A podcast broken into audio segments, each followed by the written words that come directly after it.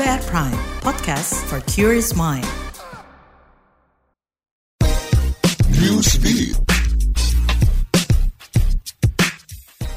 Usai membuang air radioaktif yang sudah diolah ke Samudra Pasifik pada 24 Agustus kemarin, Badan Perikanan Jepang mengeklaim tidak ada iklan yang terpapar radioaktif di sekitar pembangkit listrik tenaga nuklir PLTN Fukushima. Pernyataan ini dilontarkan pemerintah Jepang lantaran adanya protes dari sejumlah masyarakat termasuk beberapa negara sekitar seperti Korea Selatan. Pemerintah Jepang memastikan air radioaktif yang dibuang mengandung kurang dari 10 becquerel titanium per liter. Ini dikatakan jauh dari ambang batas yang ditentukan WHO.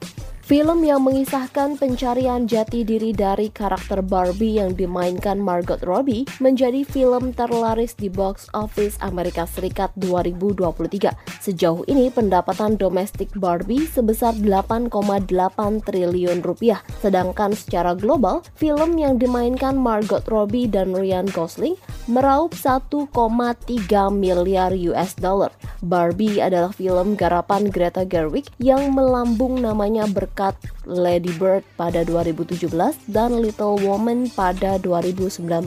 Tak hanya mengisahkan satu sosok Barbie, film ini juga menampilkan berbagai varian Barbie dan Ken.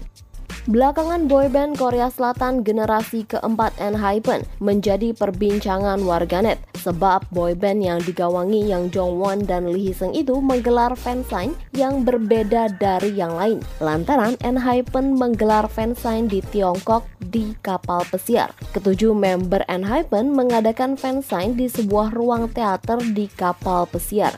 Tak hanya diam, kapal pesiar yang dinaiki pun berjalan di lautan lepas. Sontak acara fansign ini pun ramai diperbincangkan di media sosial.